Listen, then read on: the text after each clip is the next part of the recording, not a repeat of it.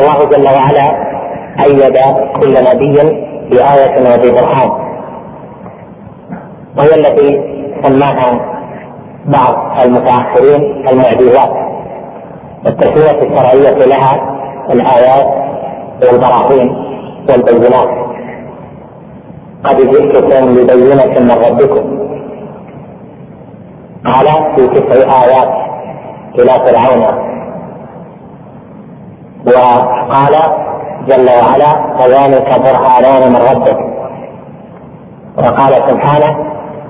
لم يكن الذين كفروا من اهل الكتاب والمشركين منفكين حتى تاتيهم البينه ويلحق بذلك ما هو اثر في الايه والبرهان وهو ما جاء في بعض الايات انه السلطان قال تاتون بسلطان مبين والآيات لا يملكها البشر وإنما هي عند الله جل وعلا كما قال جل وعلا إنما الآيات عند الله والآيات جمع الآية وهي الدليل الواضح البين على المراد حيث لا يتخلف عنه آيات الأنبياء وبراهين الأنبياء ودلائل صدقهم هذه خارقة للعادة ولفظ الخارق للعادة هذا كما ذكرنا استعمله المعتزلة والمتكلمون فجعلوا الدليل على كون الآية والقرآن حجة للرسول ومعجزة للرسول أن فيها خرقا للعادة وخرق العادة قالوا لا يكون إلا لله جل وعلا أقل المبتدع هذا التأصيل فلهذا أنكر طوائف كالجهمية والمعتزلة وبعض الفقهاء أنكروا كرامات الأولياء لأن كرامات الأولياء عندهم أمور خارقة للعادة الخارق للعادة وما يحصل بما لا يكون فيه إمكان للبشر أن يفعلوه فصار خارقا للعادة فأنكروا كرامات الأولياء لأن الكرامة شيء خارق للعادة كما قال شيخ الإسلام رحمه الله هنا قال وما يجري الله على أيديهم من خوارق العادة بأنواع العلوم والمكاتبات فسبب ضلال من ضل في هذا الباب وهو باب كرامات الأولياء أنهم جهلوا إثبات كرامات الأولياء بما جاءت به النصوص جعلوا ذلك يطعن في دليل النبوة قالوا ولو أثبتنا كرامة للولي لاتبع ذلك بمعجزة النبي ومعجزة النبي قامت على على خرق العادة فلهذا لا يمكن ان يكون للولي كرامه تخرق بها العاده اهل السنه رضي الله عنهم وارضاهم من الصحابه والتابعين ومن سلك مسلكهم خالفوا المبتدعه في العقل وهو ان مبنى ايات الانبياء على حرف العاده قالوا ومبنى ايات الانبياء على أن آية النبي ليست في إمكان المخلوقات بل لا يمكن أن يأتي بهذه الآية إلا الله جل جلاله سبحانه وتعالى فهي خارقة للعادة ولكن كلمة العادة هذا هذه وكلمة خرق العادة كلمة محدثة لم تأتي في النصوص واذا كان كذلك وجب تقييدها بما جاءت به النصوص والعادة هنا التي تحرقها آيات الأنبياء باعاده الجن والإنس والمخلوقات فالعادة في آيات الأنبياء غير العادة في كرامات الأولياء غير العادة في محارق السحرة والجهنم لأن الساحر والكاهن والمشاور والبطال يأتون بخوارق من العذاب لكن عادة من هذه هي نكتة هذا الباب وهو مبني يعني باب كرامات الأولياء وكلام على السحرة وإثبات ما جاء في النصوص في ذلك والرد على أهل البدع مبني على هذا التعصيب الذي ذكرته لهذا نقول إن أهل السنة أثبتوا آيات الأنبياء وذلك بأنها خارقة لعادة المخلوقات يعني لا يمكن أن يكون مخلوق يأتي بمثل أو يأتي بمثل تلك الآية لا يمكن لمخلوق أن يقلب عصا حية لأن هذا من جهة الخلق فيقلب العصا حية وتكون حية فعلا ليست من جهة التمويل ولكن تكون فعلا حية أو يجعل البحر رهوا أو يجعل البحر يبسا أو يجعل فرق البحر فرقتين هذه كذا كالطود العظيم وتلك كذا كالطود العظيم فصار كل فرد كالطود العظيم أي ليس في وسع أي مخلوق بل هو لله جل وعلا كذلك آية عيسى عليه السلام كذلك آية سليمان عليه السلام وآية عيسى أنه يبرئ الأكمع والأبرص بمسحة ويحيي الموتى هذا لا يمكن إلا لله جل وعلا وبهذا نقول عمدة هذا الفصل وهذا الباب في فهمه أن خرق العادة خرق العادة هنا يختلف فإذا قلنا في هذا النقل المحدث واستهملناه فلا بد ان نفهم انه مقيد بالسياق الذي يجيء فيه فاذا جاء في سياق ذكر ايات الانبياء كانت العاده التي تقرا بايات الانبياء هي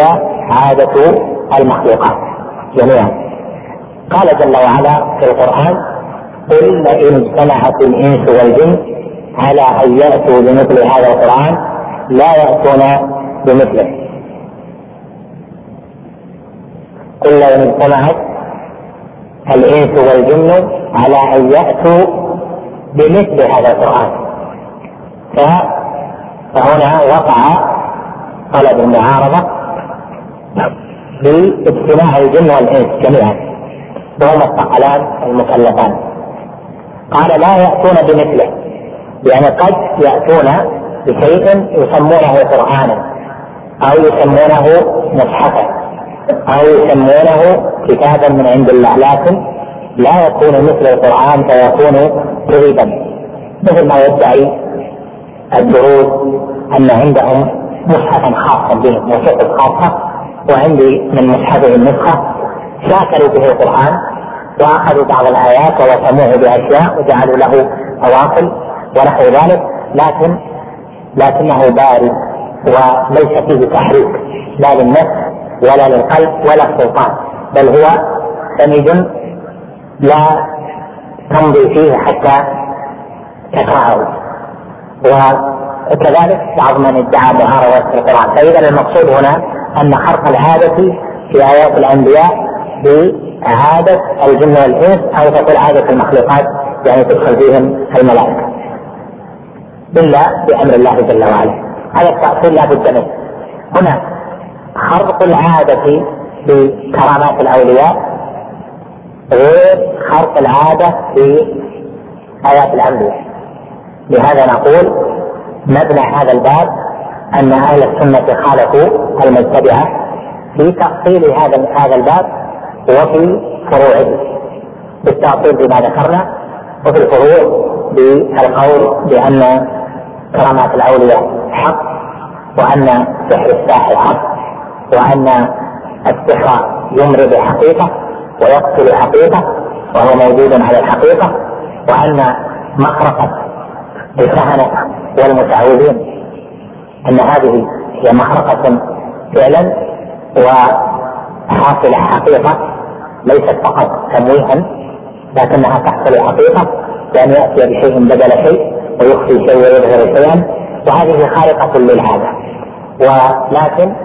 العادة التي خلقت بكرامات الأولياء هي عادة الناس في ذلك الزمان العادة التي خلقت بمحرقة السحرة هي عادة أهل ذلك البلد ممن ليس بصاحبه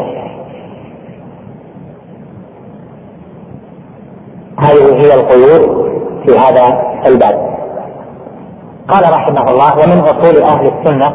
التصديق بكرامات الاولياء تصديق يعني اعتقاد انها حق من حيث الوقوع ومن حيث الجنس لا من حيث الشيء المعين الذي يحصل لافراد الامه ما جاءت به النصوص من الكرامات نقول هو كرامة ونصدق بذلك لأن التصديق بالنصوص واجب قال بكرامات الأولياء والأولياء جمع ولي والولي في اللغة هو المحب الناقص كما قال جل وعلا والمؤمنون والمؤمنات بعضهم أولياء بعض يعني بعضهم يحب بعضا ويكره بعضا وقال جل وعلا انما وليكم الله ورسوله والذين امنوا الذين يقيمون الصلاه ويؤتون الزكاه وهم راكعون ومن يتولى الله ورسوله والذين امنوا فان حزب الله هم الغالبون فالولي هو الناصر والمحب هذا في اللغه اما في الاصطلاح فاهل السنه اذا قالوا الولي فيريدون به كل مؤمن تقي ليس بنبي كل مؤمن تقي ليس بنبي قولهم كل مؤمن تقي في التعريف بأن الله جل وعلا وصف الأولياء بأنهم المؤمنون الأتقياء قال سبحانه ألا إن أولياء الله لا خوف عليهم ولا هم يحزنون الذين آمنوا وكانوا يتقون لكن اسم الولي عندهم يصدق على من كمل الايمان والتقوى بحسب استطاعته قد يكون عنده بعض الذنوب لكن هو مجتهد في الايمان والتقوى على الكمال قد ينقص طبعا عن ذلك لان هذه لان الناس ليس فيهم من ليس له ذنب كل مؤمن تقي ليس بنبي اخرج الانبياء عن اسم الولي فاذا قيل في اصطلاح اهل السنه الولي وكرامات الاولياء فلا يدخل فيها الانبياء مع ان النبي في اللغه والرسول في اللغه ولي لانه محب ناصب لله جل جلاله والله جل وعلا يقول من هذا لي وليا فقد اذنته بالحرب لكن من حيث الاصطلاح لا يطلق على الأنبياء أما الولاية بفتح الواو فهي المحبة والنصرة وهذه لكل مؤمن تقي لكن تختلف درجاتها فكل مؤمن تقي له نصيب من الولاية ولا يقال لمن كان عنده بعض الإيمان والتقوى إنه ولي في الاصطلاح لكن له ولاية بقدر ما فيه من الإيمان والتقوى لأن الله جل وعلا علق ذلك بوصف الإيمان والتقوى فقال جل وعلا ألا إن أولياء الله لا خوف عليهم ولا هم يحزنون الذين آمنوا وكانوا يتقون قوله الذين آمنوا هذا يفيد استمرار الإيمان وكماله وكانوا يتقون كذلك أما الولاية فهو من عنده إيمان وتقوى فكل مؤمن له ولاية بحسبه يعني أنه يحب الله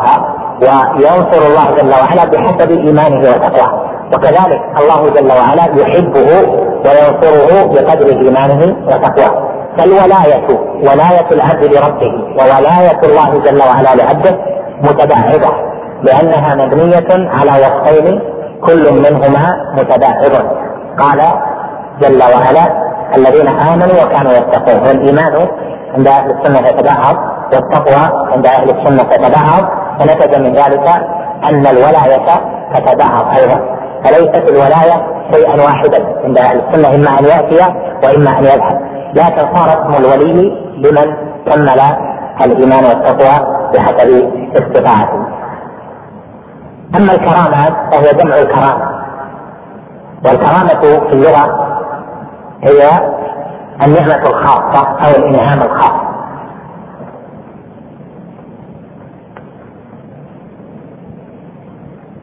كما قال جل وعلا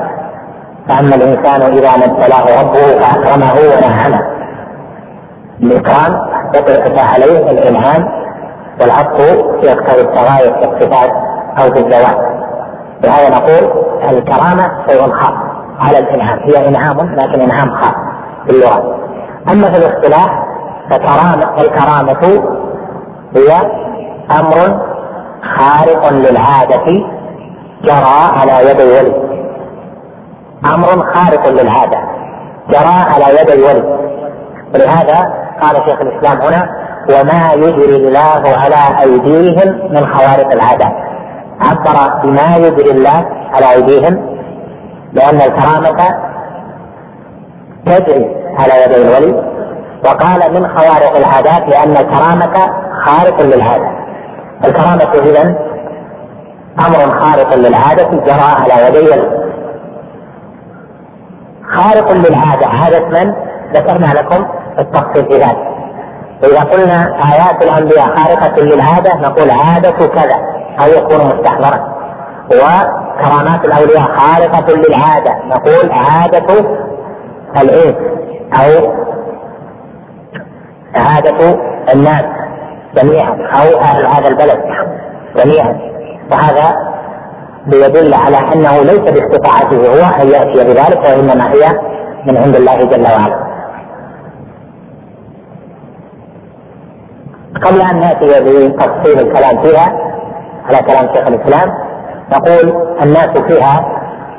الكرامات لهم أقوال المشهور منها ثلاثة أقوال الأول قول أهل السنة وهذا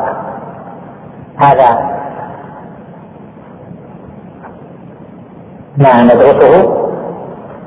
ونوضحه على كلام شيخ الإسلام إن شاء الله تعالى والقول الثاني قول المعتزلة والجهمية ومن حذا حذوهم من من الفقهاء ابن حزم ونحوه وهؤلاء ينفون كرامات الاولياء اصلا للشبهه التي ذكرت باول الكلام والقول الثالث قول الاشاعره وهو ان كرامه الولي ثابته وتكون مساويه او قد تكون احسن قد قد تكون مساوية لآيات الأنبياء وأهل السنة يثبتون الكرامة لكن يقولون لا تساوي آيات الأنبياء لا تبلغها لأن آيات الأنبياء خارقة لآلة الجن والإنس جميعا وأما كرامات الأولياء فتخرق عادة الناس أو ناس جهة معينة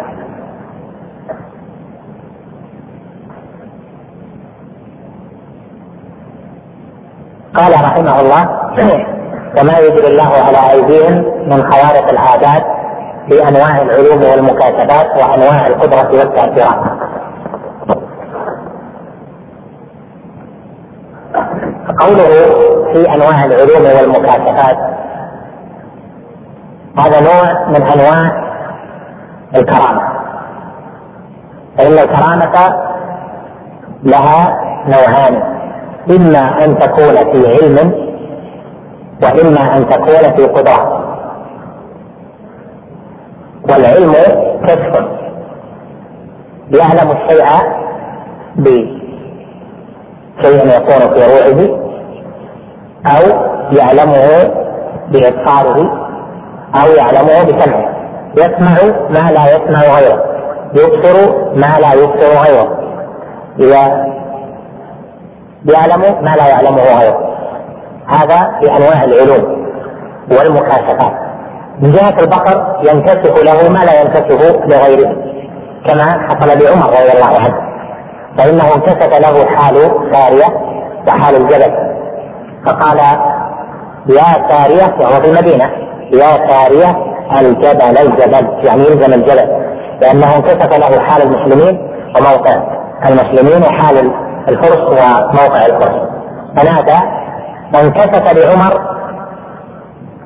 الوضع والصورة اتضحت أمامه فرأى ما لم يره الناس على كرامة من جهة الكشف بالبصر سارية سمع وكان سماعه من جهة الكشف السمعي أو من جهة الكرامة السمع وهذا لا يكون بالهذا لكن عندنا مثلا في هذا الزمان يكون بالهذا مثلا او لا قد يكون هناك تصوير صور باقمار سماعيه او نحو ذلك فيرون المكان ويكون مراقب ويتصل بالهاتف ويقول انتبه تحرك كذا كما هو في البيوت الحديثه ولهذا اهل السنه من القديم قيدوا قيدوا الكرامه بتقييد عظيم في نفسه وبين ما ظهر في الأزمنة المختلفة أنه تقييد الحق بنفسه وهو أنهم قيدوه بما هو خارق للعادة عادة الناس في زمانهم لا يمكن لأحد أن يتصور ذلك فصار كرامة هنا العلم والمكاتبة لا ارتباط بكلمات الله جل وعلا لأن حصول الانكشاف قد يكون متعلقا بكلمات الله الكونية وقد يكون متعلقا بكلمات الله الشرعية فمثلا تعلقه بكلمات الله الكونية مثل ما حصل لعمر رضي الله عنه ومثل ما حصل لأبي بكر الصديق رضي الله عنه حيث نظر في بطن امرأته وكانت حبلى فقال فيها أنثى فولدت بعد فترة فصارت أنثى ومثل ما يحصل من هذا الجنس من جهة المكافأة هذه مرتبطة بكلمات الله الكونية يعني أنه انكشف له شيء راجع إلى كلمات الله الكونية لأنه نظر ما كونه الله جل وعلا أو سمع ما كونه الله جل وعلا من جهة كلمات شرعية ينكشف له العلم بالشرعيات ما لا ينكشف لغيره ولهذا تجد أن أكثر العصاة لا ينكشف لهم العلم الشرعي وكلما كان العبد أتقى لربه جل وعلا وأحرص على طاعته وأكثر استغفارا من الذنب أكثر الإنابة إلى ربه جل وعلا كلما كان انكشاف العلم له أكثر وبالمناسبة هناك استدلال يخطئ فيه كثيرون وهو أنهم يستدلون بقوله تعالى في سورة البقرة واتقوا الله ويعلمكم الله على أن التقوى مؤثرة في تحصيل العلم وهذا الاستدلال ليس بصحيح لأن قوله جل وعلا واتقوا الله ويعلمكم الله هذا عطف عطف يعلمكم على التقوى فليس العلم مرتبا في الآية على التقوى لهذا قال كثيرون من أهل العلم هنا لا ارتباط بين هذا وهذا لأنه لو كان العلم أثر للتقوى لكانت مجزومة واتقوا الله يعلمكم الله لأنه يكون في جواز الامر كما في قوله ان اعبدوا الله واتقوه واطيعون يغفر لكم ذنوبكم وهو معروف في النحو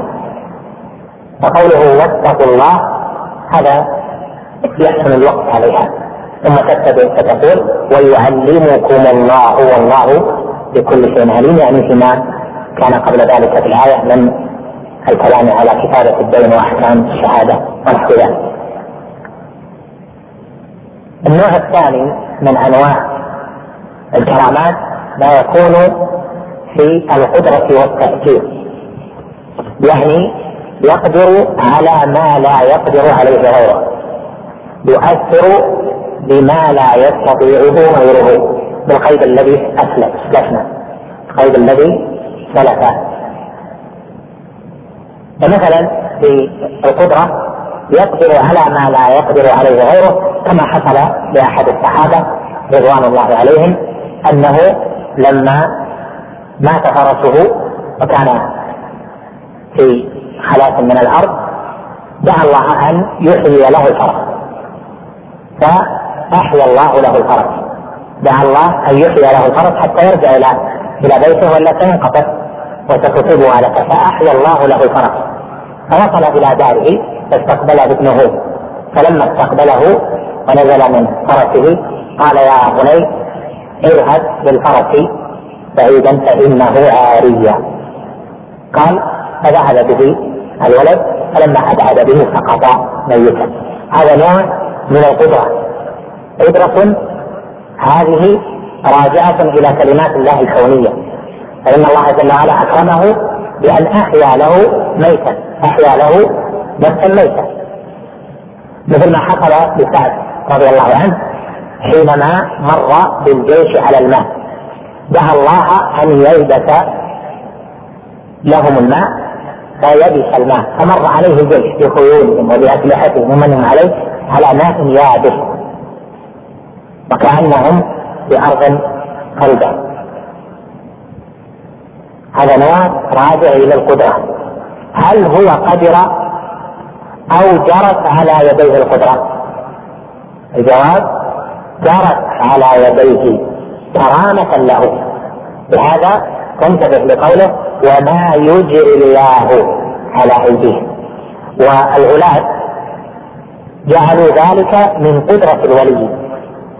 فغلوا في الأولياء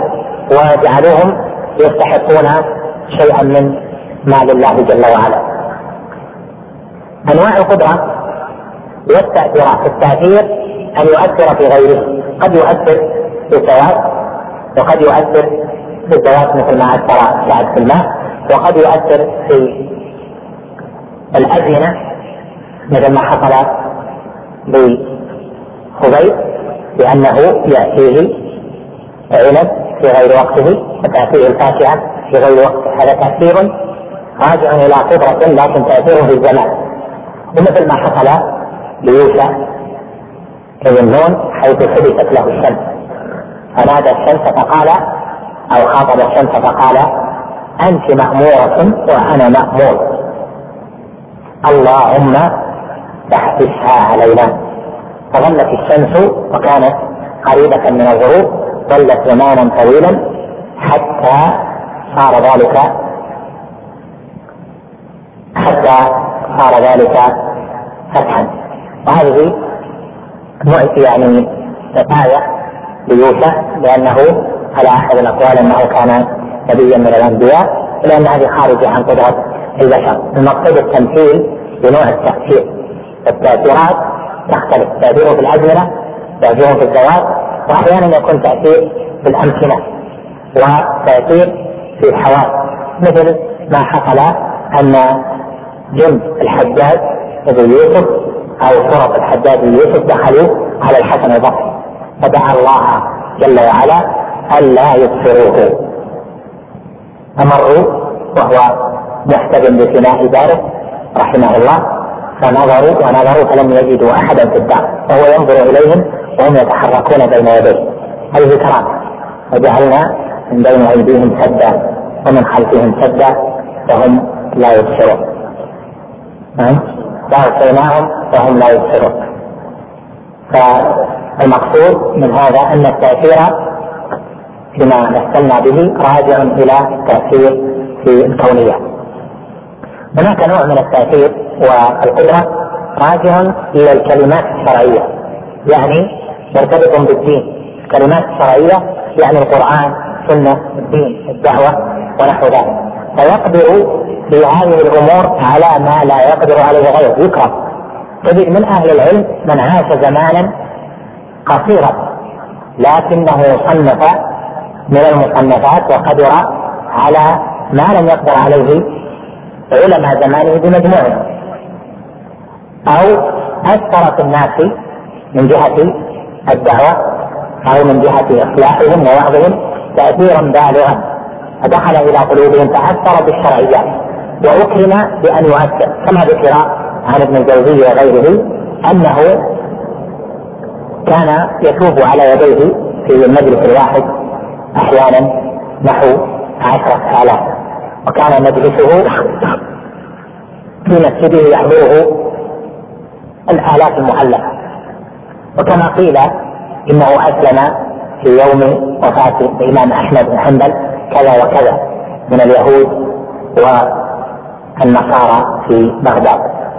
ونحو ذلك هذا تفسير في الشرعيات يعني أثروا حتى جعلوا الشرعيات مقبولة واستسلم لها الناس ولهذا يقول أهل العلم إن كرامات الأولياء مرتبطة بكلمات الله الكونية وكلمات الله الشرعية وتفصيل المقام في ذلك بما ذكرته لك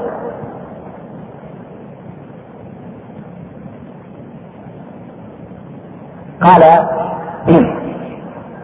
والمأثور عن ثالث الأمم في سورة الكهف وقصة أصحاب الكهف واضحة وغيرها كما في قصة مريم لأن مريم ولية من أولياء الله جل وعلا لأنه ليس النساء نبيا وإنما الرسالة والنبوة في الرجال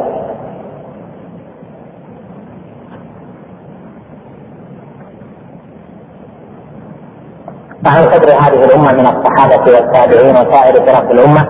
وهي موجودة فيها إلى يوم القيامة. بعض الأمثلة عليه واضحة وكثيرة. بقي هنا تتماسا بهذا المبحث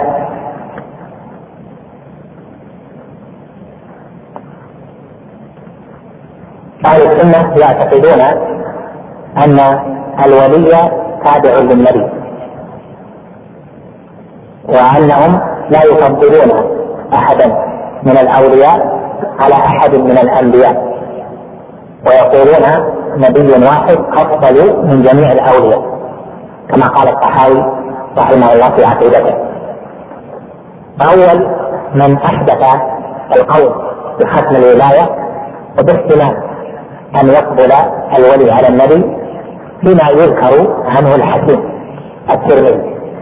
حكيم الترمذي صاحب كتاب نوادر الوصول له كتاب سماه ختم الولاية وكان أبوها ختم الاوليه ذكر فيه اصولا في هذا الباب وكان سببا لضلال جهله المتصوفه والاتحاديه بهذا الباب فقالوا ان الولايه تختم كما تختم النبوه وانه يمكن ان يكون الولي افضل من النبي وقد تبنى هذا والعياذ بالله تبناه ابن عربي حاتمي المعروف صاحب كتاب فتوحات المكية وفصول الحكم ذكره في كتابه الفصول وذكر أن خاتم الأولياء قالوا يعني نفسه أفضل من خاتم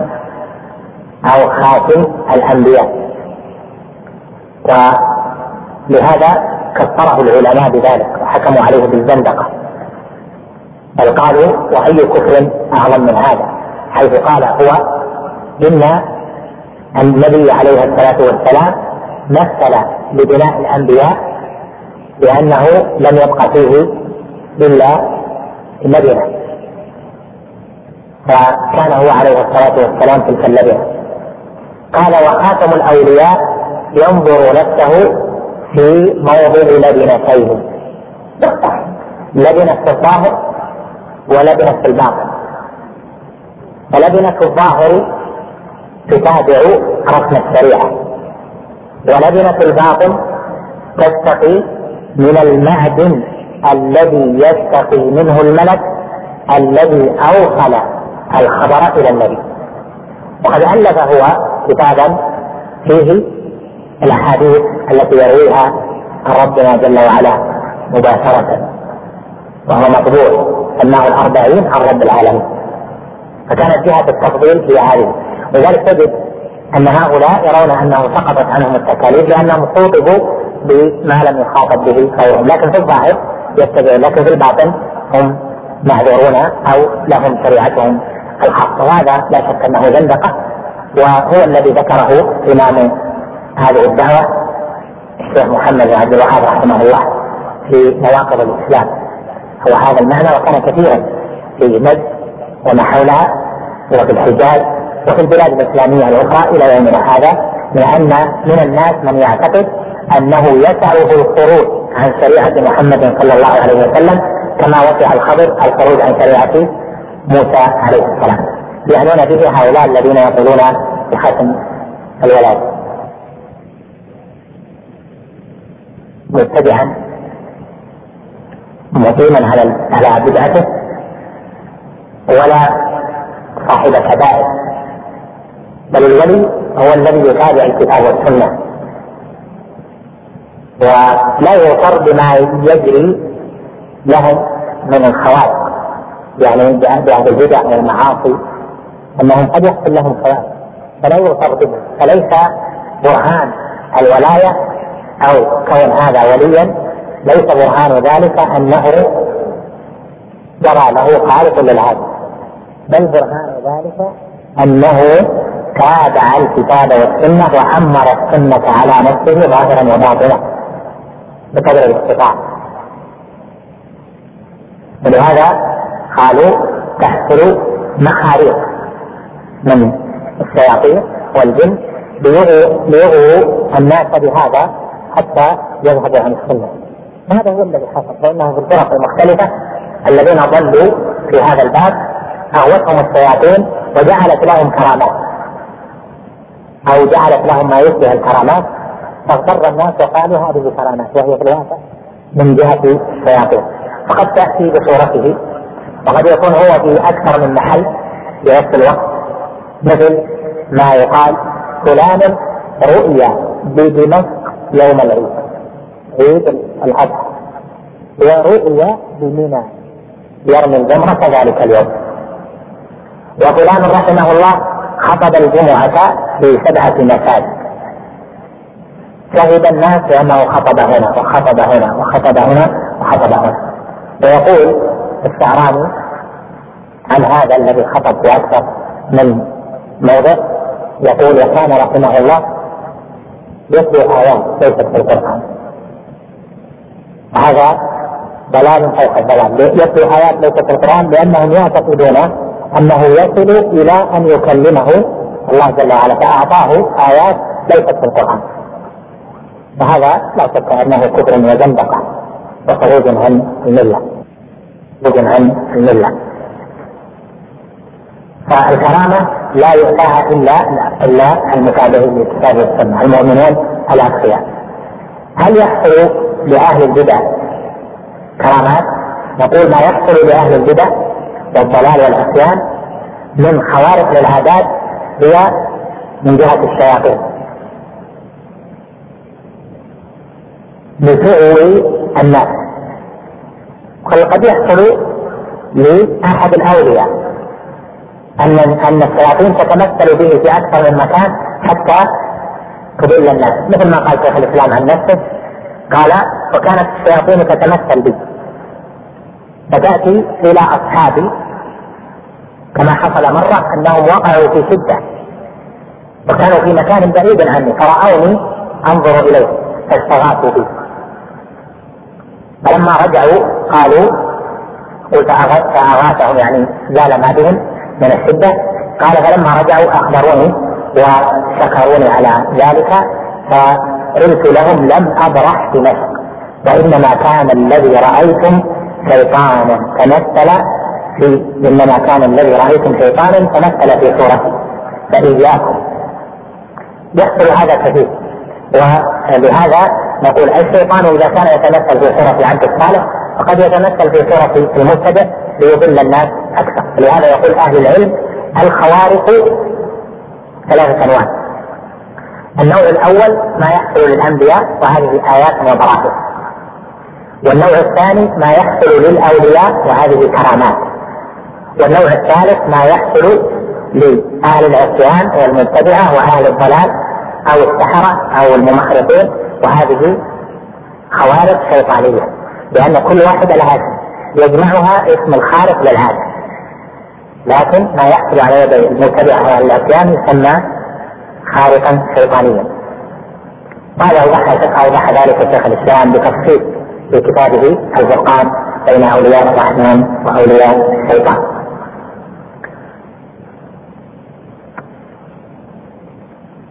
المبتدعه قد تحصل لهم كرامات في حال واحده وهي حال جهاد من ليس من اهل الاسلام اذا جاهدوا النصارى أو جاهدوا أهل الإلحاد والزندقة أو جاهدوا المشركين فقد يعطي الله جل وعلا الجيش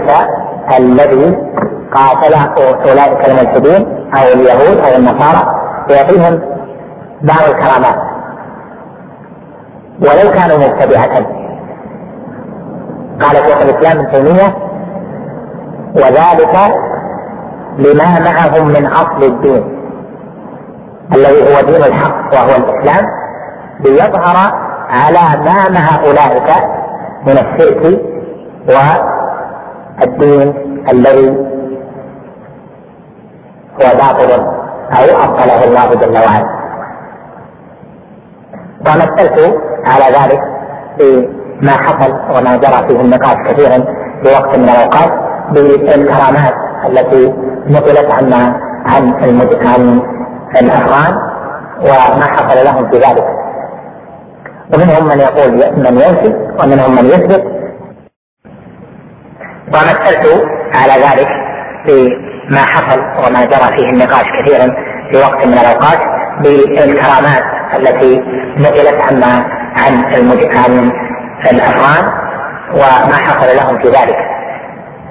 ومنهم من يقول من ينفي ومنهم من يثبت ومنهم من يقول يعني من إخواننا من يقول إنهم مبتدعة والمبتدعة لا يعطون كرامات بعضهم مشركين عندهم شرك أصغر وبعضهم يكون عنده أعظم من ذلك فنقول القاعدة في ذلك أن المبتدع ومن عنده شرك أصغر ونحو ذلك قد يعطى كرامة كما حصل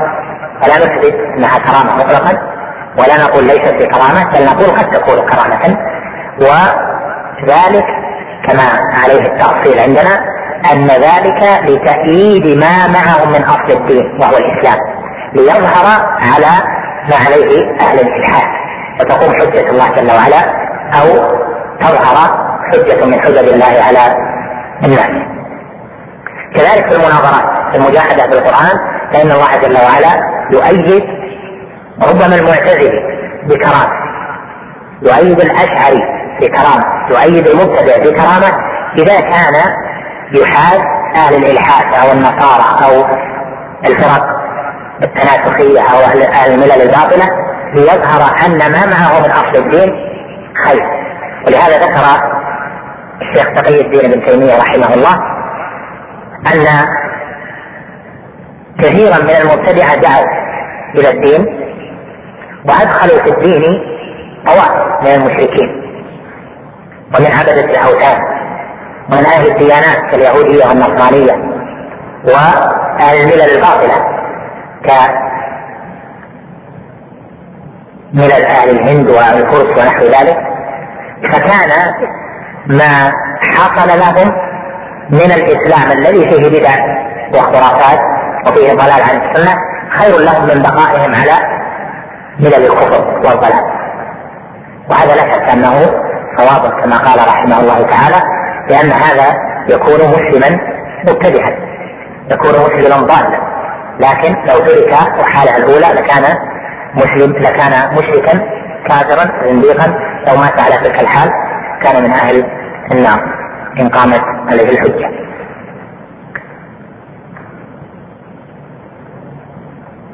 من المباحث ايضا المتعلقه في هذا الباب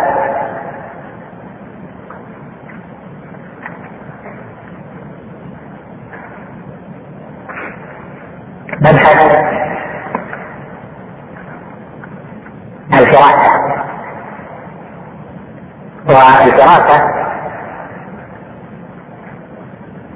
ثلاثة أنواع فراسة إيمانية هو فراسة طبيعية وفراسة رياضية يعنى بالطبيعية ما يحصل من دلالة تقاسيم الوجه على خلق صاحبه أو ما يستدل به في سعة أو عظم صدره خلقة على أنه واسع في البال لا يضيق سريعا على انه حليم وبذل ما يستدل بكبر الراس على كبر العقل او المخ ومثل ما يستدل بصغر الراس على البلاغه او حده العينين على قوه الذكاء وبرود العينين على فتور الذهن هذه اشياء طبيعيه خلقيه تكلم فيها الناس وصنف فيها مصنفات والشافعي رحمه الله تعالى درس من هذا شيئا وكان رحمه الله تعالى وعزل له المثوبه وعفى عنه ورفع درجته في الليل كان لما درس هذا في الصغر كان يؤثر عليه وغلب عليه كما ذكروا في ترجمته حتى اتى له الربيع تلميذه مره اتى له ب فقال له اذهب فاشتري لنا باقلات وخضرا يعني ناكلها الشام بالبيت فذهب فاشتراها قال ما صفة البائع فقال الشافعي رحمه الله قال الربيع كان أعرج أعور أعرج كسب وأعور على خلقة الله جل وعلا قال اصرفه عني تصدق به غلب عليه هذا وكان مما يقول لا بأس ما نقضي به بعض المقام بالتنشيط لأن بعض الإخوان كان آه، يقول مرة الشافعي رحمه الله قلت ذهبت إلى اليمن لطلب كتب الكراسة وولي امرة لأحد البلاد في اليمن فترة من الزمن ويقول لما طلبت هذه الكتب فكان من الصفات في الكتب أن الرجل إذا كان من العرب وكان أشقر الشعر أزرق العينين فهي أخبث صفة قال فبين أنا سائر في تهامة وآواني الليل إلى مكان قل فإذا بنار فأتيتها فإذا برجل فلما رأيت صورته كرهته فكان أزرق العينين وكان شعره أشقر وقلت هذه أخبث أخبث صفة في كتب الفرائض قال رحب بي اعظم ترحيب وانزلني وقال انزل عندنا وعشاءك عندنا وما تريد يقول واخذ دابتي بنفسه بيده فقال هيا اذهب وضع لي مكانا واتى لي بالعشاء واخذ الدابه واعلفها وسهر علي وعلى دابه ذلك الليل كله فقلت و... فقلت يا خساره ما انفقت على هذه الكتب طيله مسيري ومكثي في اليمن قال فلما اتى الصباح قلت له لقد اشتيت لنا يا فلان معروفا واذا اتيت مكه فسل عن محمد بن ادريس حتى نكافئك فقال ذلك الرجل ما رايت رجلا مثلك قط اكرم دابتك واكرمك واسهر عليك الليل وتقول اذا اتيت مكه اطلب فلانا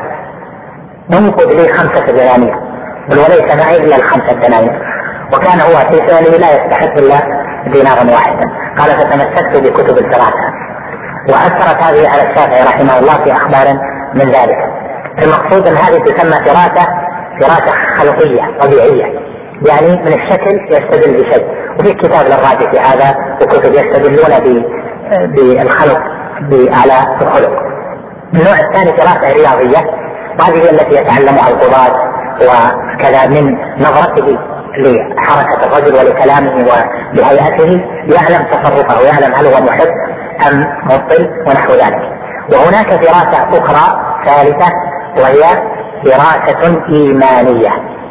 هذه الدراسة الإيمانية هي التي جاء فيها الحديث الذي في الترمذي وغيره عنه عليه الصلاة والسلام أنه قال اتقوا فراسة المؤمن فإنه ينظر بنور الله هذه دراسة إيمانية ليست من جهة الدراسة الرياضية التي تتعلم بالرياضة بالتعود وبالخبرة وليست خلقية طبيعية ولكن هكذا يطلب في روحه في نفسه أن هذا كذا وكذا وهذه من جنس الكرامة بل هي كرامة لهذا أهل العلم يبحثون دراسة إذا بحثوا الكرامة فمبحث الدراسة في كتب العقيدة بعد كرامات الاولياء لان من انواع الجراسه الجراسه الايمانيه وهي جزء او نوع من انواع الكرامه.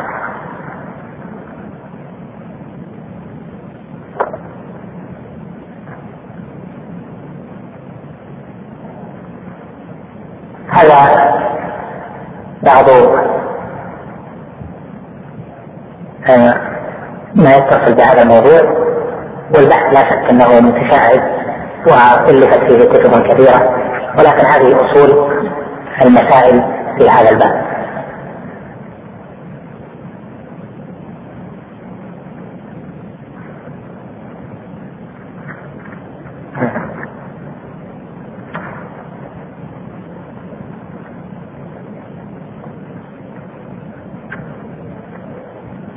في أسئلة تحتاج إلى بعض التحمل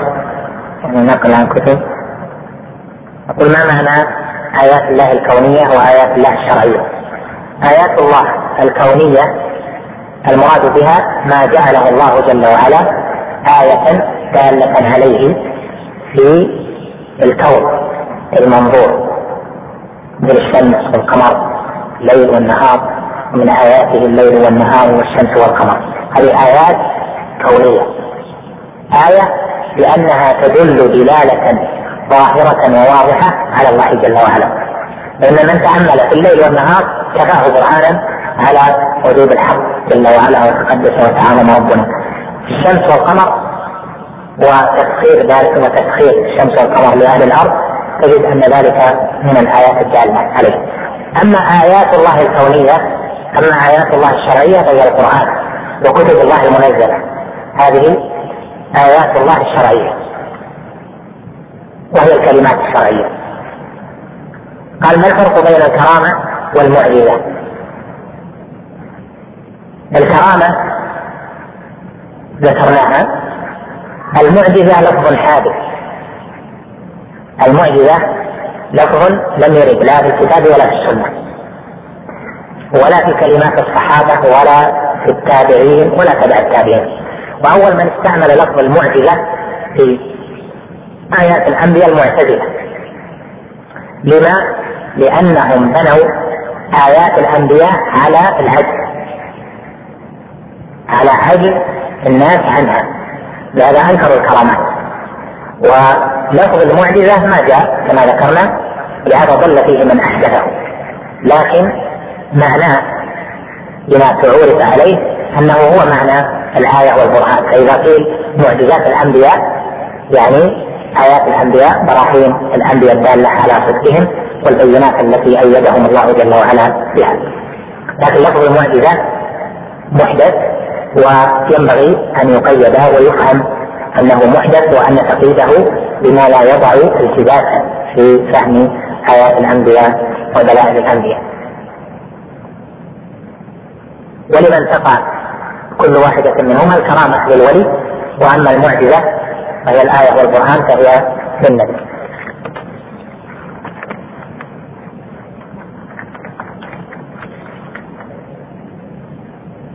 وجاء في التاريخ أن صلة وصل حصل له السافرة حتى وصل هذه هي القصة التي ذكرتها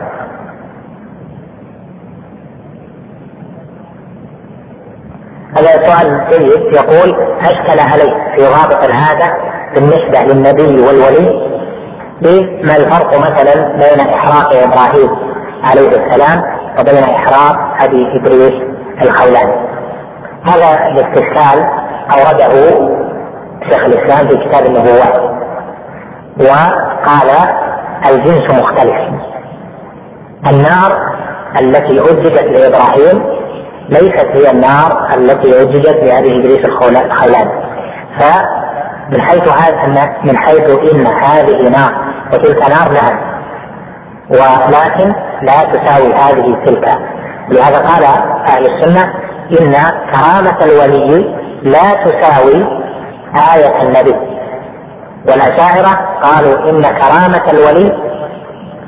تساوي كرامة الولي تساوي آه، آية النبي ولكن الفرق بينهما أن الولي لا يدعي النبوة والنبي يقول هو مرسل من عند الله جل وعلا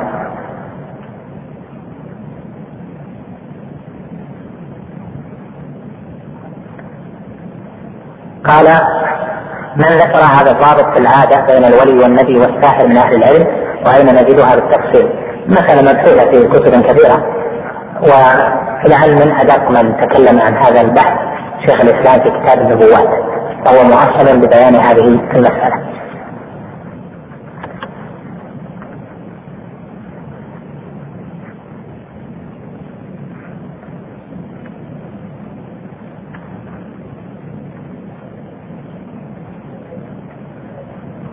يقول آه، ذكرتم أن ظهور الكرامات لأهل البدع والمحدثات عند قتال أهل الكفر والشرك وضربتم مثالا لما ظهر من كرامات الجهاد الاخواني ان صح انها كرامات ولا يخوفكم ان الجهاد الاخواني شارك فيه السلفيون من شتى انحاء العالم الاسلامي وكان لهم اماره بكلى فافلا يصح ان تكون هذه الكرامات التي ظهرت ظهرت لاهل السنه منهم بعيدا عن القبوريين والصرافيين لا السلفيون ظهرت لهم كرامات والمبتدعه ايضا يقولون انها ظهرت لهم كرامات فلا نكذب بظهور الكرامات ولا نصدق لكن نقول من ظهرت منهم هذا هو الترخيص حتى لا يعتقد انه ما دام انه ظهرت له كرامه فان معنى ذلك انه على الحق نقول ظهور الكرامه وانت مقيم على الشركيات الشرك الاصغر او على البدع هذه تأييد لما مات من اصل الدين لانك اذا كلمت في اصل الكرامه هو شهد شيئا خارقا للعاده وتاصيل اهل العلم على انه لا يمنع من أن يكون مع أهل البدع كرامات لكن في حال مجاهدة الكفار والمشركين إما بالسنان أو باللسان كما ذكرت ذلك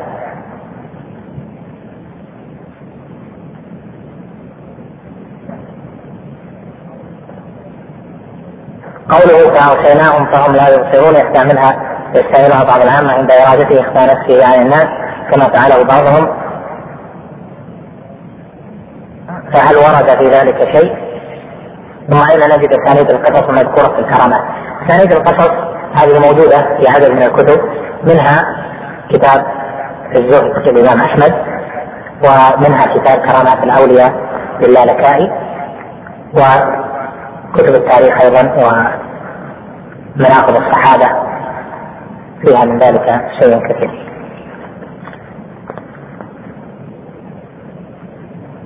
يقول هل ستستمر الدروس كما هي أم أنه سيحصل فيها تغيير؟ وبالنسبة لدرس الثلاثاء متى يبدأ؟ والله يوفقك ويعينك جزاك الله خير. وبالنسبة للدروس تبقى إن شاء الله كما هي. آه، درس الثلاثاء يعني كان فيه إشكال يعني وهو أنه ما صدر التصريح له ولعل إن شاء الله نعطي فيه دروس علمية يعني عامة غير الدروس التربوية والدعوية حتى آه، يحصل إن شاء الله العلم بذلك. هذا الثلاثة إن شاء الله عندنا درس آه، بنبتدئ بإذن الله تعالى في آه، عدة دروس بعنوان المدخل إلى مصادر الكتب الشرعية لأن كثيرين من الإخوة الشباب ما يعرفون كيف يتعاملون مع الكتب كيف يبدا كيف يراجع البحث كيف يراجع المساله ما هي الكتب المتقدمه مزيتها الكتب المتاخره ما الفرق بين هذه وهذه سناخذ فنا فنا العقيده نذكر جميع كتبها وكيف تصنف نفسك مع هذه الكتب لان هذه ما تكون يعني ما يكون العلم بها الا بالتجربه ولعلنا ان شاء الله نفيدكم بما عندنا في ذلك كذلك يكون بعدها آه، المدخل لكتب التفسير لكتب المصطلح لكتب اصول الفقه ونحو ذلك بحسب ما يتيسر ان شاء الله تعالى حتى آه، يكون البدء في الدروس التي هي تربويه او دعويه بنفس نفس شيخ الاسلام ان شاء الله يبقى كما هو من بعض الاخوه قال اظن بتغير او كذا او تترك الدروس العلم مقدم على غيره ما هو الفرق بين خوارق العادات وخوارم المروءة؟ آه، قبل هذا بالنسبة لدرس الاثنين آه، يوم الاثنين اللي يعني بعد المغرب يوم الاثنين بعد المغرب ما بدأنا في الزاد الأسبوع الماضي وأيضا هذا الأسبوع آه، ما نبدأ به ونبدأ الأسبوع القادم وسنجعل بدلا من الزاد أو معه ما قررت إلى الآن نجعل معه صحيح البخاري وربما كتاب آخر إما لابن القيم أو لغيره وذلك لطلب بعض آه، الإخوة لأن يكون ذلك أنشط ومعلوم أن مثل الدرس الأسبوع الواحد لن يستمر وإن شاء الله تعالى أو لن يقبل بها الكتاب وإن شاء الله تعالى إن حصل لمسجد يعني جمعة وجماعة بإذنه تعالى وليكون الدرس يومي إن شاء الله تعالى في وقت من أوقات اليوم نسأل الله جل وعلا الإعانة والتوفيق ما هو الفرق بين خوارق العادات وخوارم المروءة نعم، خوارم المروءة الأشياء التي تقدح في العدالة وهي الخروج عن ما أوجده الشرع وما هو معروف عند أهل العلم والتقوى والصلاح اما خوارق العادات فهذه راجعه الى ان شيء ما يستطيع احد يعني من الحاضرين ان يفعله الا بقيود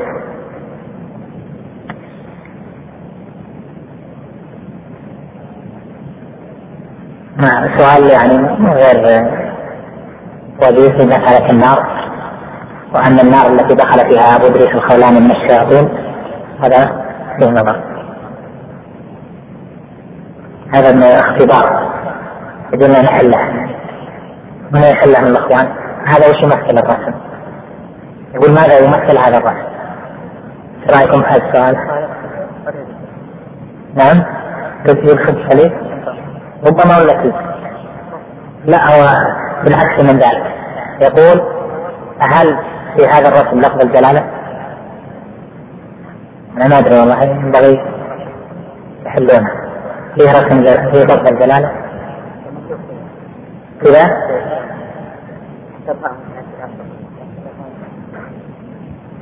ما على كل حال لعلك تحلها جلالة أنا ما أدري ما نجحت في الاختبار أنا ما نجحت كانت تنجح لي لأن أنا في الأشياء هذه وما إيه، إذا انتهينا من العقيدة الواسطية هل نبدأ في كتاب جديد إن شاء الله بس ما أحب الكتاب حتى نبحث ان شاء الله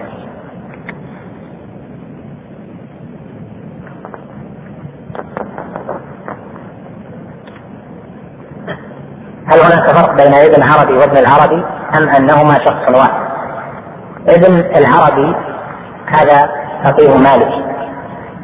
وهو صاحب كتاب احكام القران وصاحب كتاب عارضه الاحوذي صاحب شرح الموطأ عالم من علماء المالكية معروف لكنه كان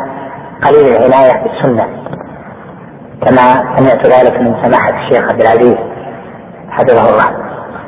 ولكنه كان فقيها مالكيا وعالما وعنده ما عند غيره من أهل العلم أما ابن عربي في حد الألف واللام فأصله هو ابن العربي أيضا مثل الأول لأنه هو أندلسي كما أن الأول الأندلسي والعربي اسم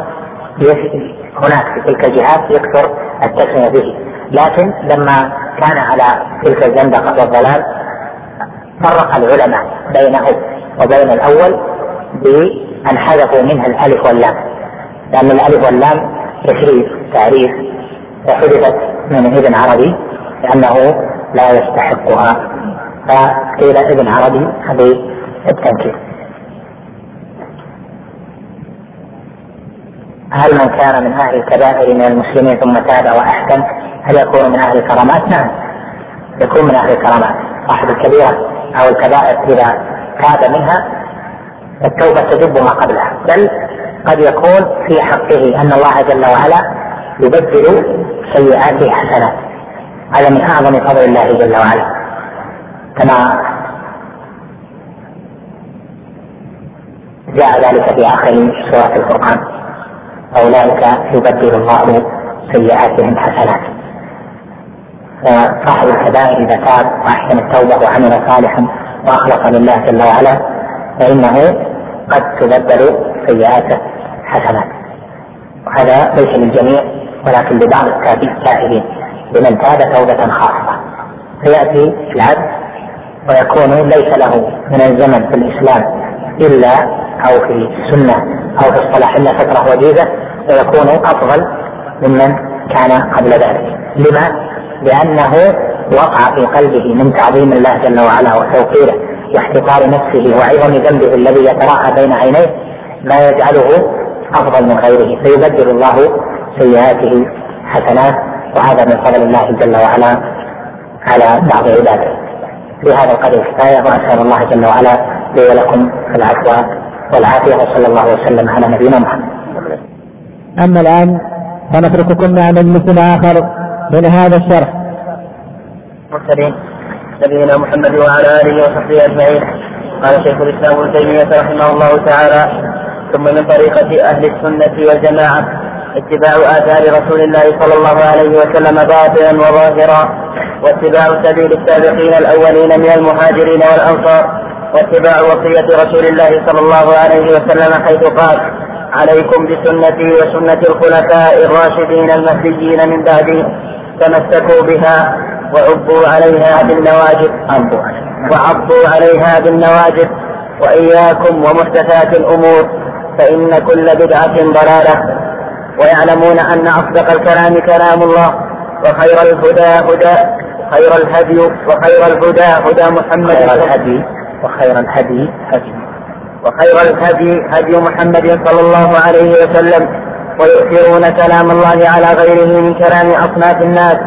ويقدمون هدى محمد صلى الله عليه وسلم على هدى كل أحد هدي كلها هدي ما جاءت خطبة الحاجة هدي وخير الهدي هدي محمد وله هدى يصح من حيث المعنى نعم. يصح لكنه لما جاءت في الخطبة هدي شيء هذا نعم. اللي شاكلها اللي اللي ويقدمون هدي محمد صلى الله عليه وسلم على هدي كل أحد ولهذا سموا أهل الكتاب والسنة وسموا أهل الجماعة لأن الجماعة هي الإجماع وضدها الفرقة وإن كان لفظ الجماعة قد صار اسما لنفس القوم المسلمين لأن الجماعة لأن الجماعة هي الإجماع وضدها الفرقة هذا الاجتماع الاجتماع لأن الجماعة هي الاجتماع وضدها الفرقة لأن الجماعة هي الاجتماع وضدها الفرقة ثم صار يقول ولهذا سموا أهل الكتاب والسنة نعم. وسموا أهل الجماعة لأن الجماعة هي الاجتماع وضدها الفرقة نعم. وإن كان لفظ الجماعة قد صار اسما لنفس القوم المجتمعين والإجماع هو الأصل الثالث الذي يعتمد عليه في العلم والدين وهم يدينون بهذه الأصول الثلاثة جميع ما عليه الناس من أقوال وأعمال باطنة أو ظاهرة مما له تعلق بالدين والإجماع الذي ينضبط هو ما كان عليه السلف الصالح إذ بعدهم كثر الاختلاف وانتشرت الأمة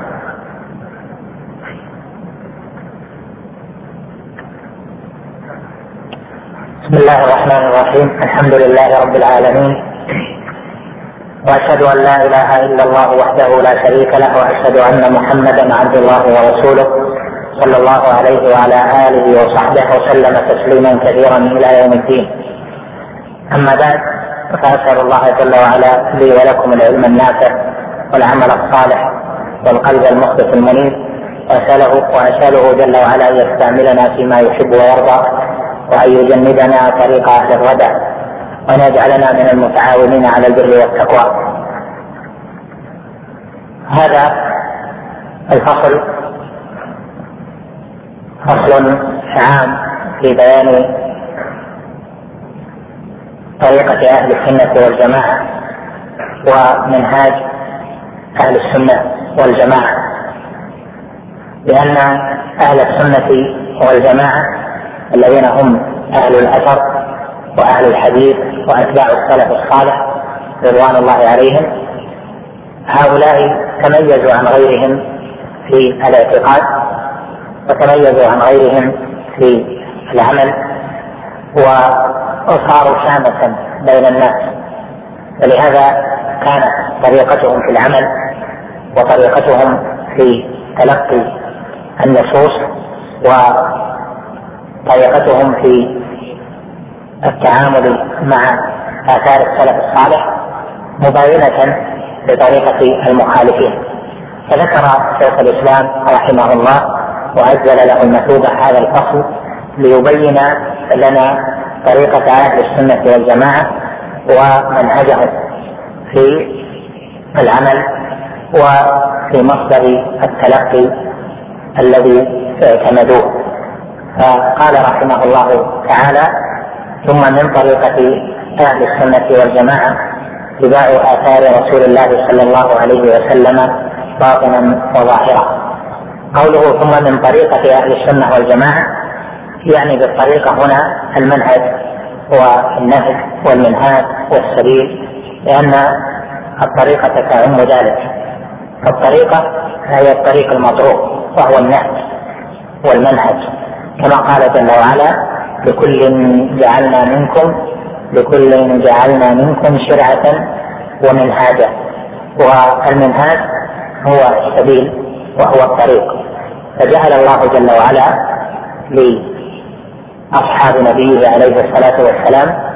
ومن تبعهم طريقا ما يزو به غيرهم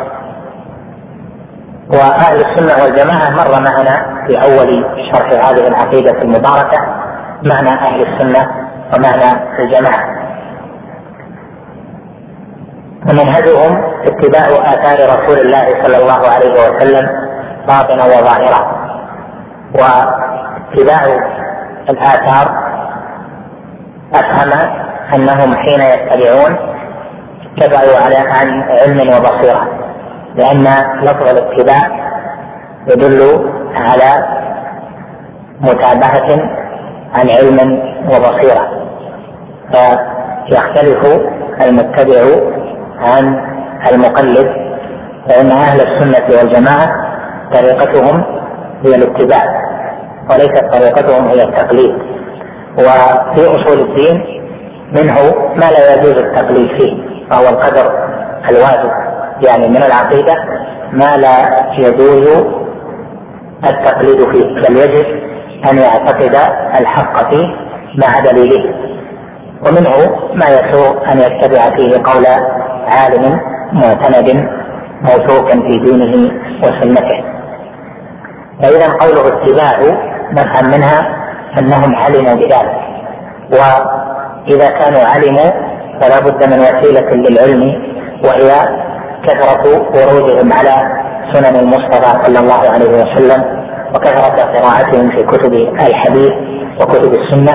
لأن لأنه بذلك تعلم لأنه بذلك تعلم آثار المصطفى عليه الصلاة والسلام والآثار جمع الأثر وهو ما ينقل من الخبر في الأقوال أو في الأعمال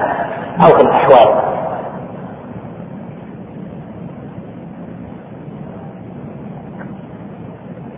وعند أهل الاصطلاح الأثر يعم الحديث عن المصطفى صلى الله عليه وسلم والأقوال والأعمال للصحابة والأقوال والأعمال للتابعين فهذه هي الآثار ولهذا قيدها هنا بقوله اتباع آثار رسول الله صلى الله عليه وسلم باطنا وظاهرا اتباع الآثار هذه سمة أهل السنة والجماعة يعني أنهم يحرصون على الاتباع ولا يحكمون عقولهم ولا أهواءهم رسول الله صلى الله عليه وسلم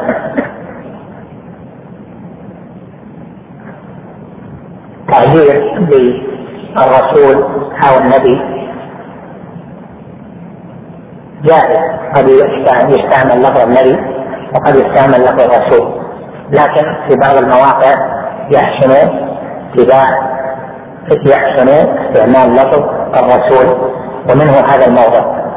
فقوله اتباع آثار رسول الله صلى الله عليه وسلم فيه التنبيه عن على أن هذه الآثار قد أرسل بها من الله جل وعلا وهذا هو الذي يعتقده أهل السنة لأن السنة وحي من الله جل وعلا وليست اجتهادا منه عليه الصلاة والسلام بل هي وحي أوحاه الله جل وعلا إليه أن اعمل كذا واترك كذا وقد يكون هناك أشياء فيها اجتهاد لكن يكون مقرا عليها وإلا لم تكن أثرا من آثار عليه الصلاة والسلام وهناك قسم ثالث وهو ما كان من الامور الجبليه الطبيعيه التي يعملها بمقتضى عادته عليه الصلاه والسلام من مثل طريقته في مشيته ومن مثل طريقته في نومته ونحو ذلك مما هو هيئه لم يامر به ولم يحض عليه عليه الصلاه والسلام فهذا النوع يتبع ايضا ويكون الاتباع على جهة الاتباع ليس لأنه سنة في نفسه ولكن يؤجر من فعل لأنه نوى الاقتداء فتلخص من ذلك أن هذا النوع الثالث وهو الأمور الجبلية الطبيعية من مما فعل أو مما ترك عليه الصلاة والسلام فإن الاتباع فيها يكون بنية الاقتداء فإذا نوى الابتداء أجر على هذه النية وإلا فإن الأمور الجبلية ليس مأجورا على أن يفعل مثلها إلا بنية الاقتداء فيؤجر على نية الاقتداء ولهذا قال العلماء في كتب الأصول إن هذه الأمور الجبلية يؤجر فيها بنية الاقتداء فيفعل معنى نية الاقتداء أن يفعل ما فعل عليه الصلاة والسلام لأجل أنه فعل وأن يترك ما ترك عليه الصلاة والسلام لأجل أنه ترك فمن اقتدى بالنبي عليه الصلاة والسلام بمشيته لأجل أنه مشى هكذا فإنه يؤجر على نيته وإلا فإن الأمور الجبلية نفسها ليس فيها ليست محل اتباع في نفسها وإنما الذي يتبع ما كان من قبيل السنة من قبيل التشريع وكل اقتداء بالنبي عليه الصلاة والسلام فيه أجر بجميع الأحوال لكن منه ما يكون الهدف في اتباع العمل من حيث هو لأن العمل عبادة إما أن يكون واجبا أو سنة ترك إما أن يكون محرما أو مكروها ومنه ما يكون الأجر في أن يفعل على جهة الاقتداء وأن يترك على جهة الاقتداء قوله رحمه الله باطنا وظاهرا يعني به الإخلاص والمتابعة والاتباع لا بد فيه من الإخلاص وهو اتباع الآثار في الباطن ولا بد فيه من المتابعة أهل السنة وهو اتباع الآثار في الظاهر اتباع الرسول صلى الله عليه وسلم في الباطن يقتضي ان تخلص لله جل وعلا وان تثبت له وتنيب وان تصحح عملا من الشوائب وان تكون في اعمالك لله وحده دون ما سواه وهذه حال المصطفى عليه الصلاه والسلام اذ هو اكمل خلق الله جل وعلا توحيدا واخلاصا لربه جل وعلا واصلاح الباطن واتباع الآثار في الباطن هذا من طريقة أهل السنة ولهذا أعظم وصية يوصي بها أهل السنة من حولهم ومن معهم ومن وراءهم الوصية بإخلاص الدين لله جل وعلا هذه هي اتباع الآثار في الباطن واتباع الآثار في الظاهر بأن يعمل على نحو ما عمل عليه الصلاة والسلام فيكون في هيئته وعبادته وسلوكه واخلاقه وفي ملابسه وفي اكله وفي نومته وفي احواله على طريقه المصطفى صلى الله عليه وسلم فاكملهم اتباعا من كان على اجتهاد في متابعه النبي عليه الصلاه والسلام ومن كان اكثر اتباعا كان اكمل قال واتباع واتباع سبيل السابقين الاولين من المهاجرين والانصار هذه تميز بها اهل السنه والجماعه من غيرهم لان اتباع الكتاب والسنه هذه يدعيها الاكثرون كل يقول الكتاب والسنه لكن اي تلك الدعاوي صوابا هي قول من اتبع سبيل السابقين الاولين وهذا على نحو الكلمه التي هي مشهوره لان يكون ذلك على منهاج السلف الصالح مثلا الكتاب والسنه على طريقه الصحابه رضوان الله عليهم على طريقه السلف الصالح وهذا القيد مهم لانه يميز اهل السنه عن غيرهم اما الاخذ بالكتاب والسنه او طريقتنا طريقه الكتاب والسنه ونحو ذلك فانها يشترك فيها الاكثرون لكن نفهم الكتاب بفهم السلف الصالح من الصحابه والتابعين نفهم السنه على طريقه السلف الصالح من الصحابه والتابعين لهذا لا بد من اتباع سبيل السابقين الاولين من المهاجرين والانصار وتقييده بالسابقين الاولين لانهم كانوا قبل حدوث الفتن ولم يحصل من احد منهم استثاب رضي الله عنهم وارضاهم لان الله جل وعلا احل عليهم رضوانه كما قال جل وعلا والسابقون الاولون من المهاجرين والانصار والذين اتبعوهم باحسان رضي الله عنهم ورضوا عنه وقال جل وعلا لقد رضي الله عن المؤمنين اذ يبايعونك تحت الشجره وقوله السابقين الاولين من هم السابقون الاولون فيها خلاف بين اهل العلم ومنهم من قال ان السابقين الاولين هم الذين صلوا الى القبلتين ومنهم من قال السابقون الاولون هم من اسلم قبل الحديبيه ومنهم من قال من اسلم قبل فتح مكه منهم من قال هم أهل بدر من المهاجرين والأنصار والصواب في ذلك أن السابقين الأولين هم الذين أسلموا قبل فتح الحديبية قبل صلح الحديبية وأما بعد ذلك فكثر الذين دخلوا في الإسلام وذلك لقول الله جل وعلا لا يستوي منكم من أنفق من قبل الفتح وقاتل أولئك أعظم درجة من الذين أنفقوا من بعد وقاتلوا وكلا وعد الله الحسنى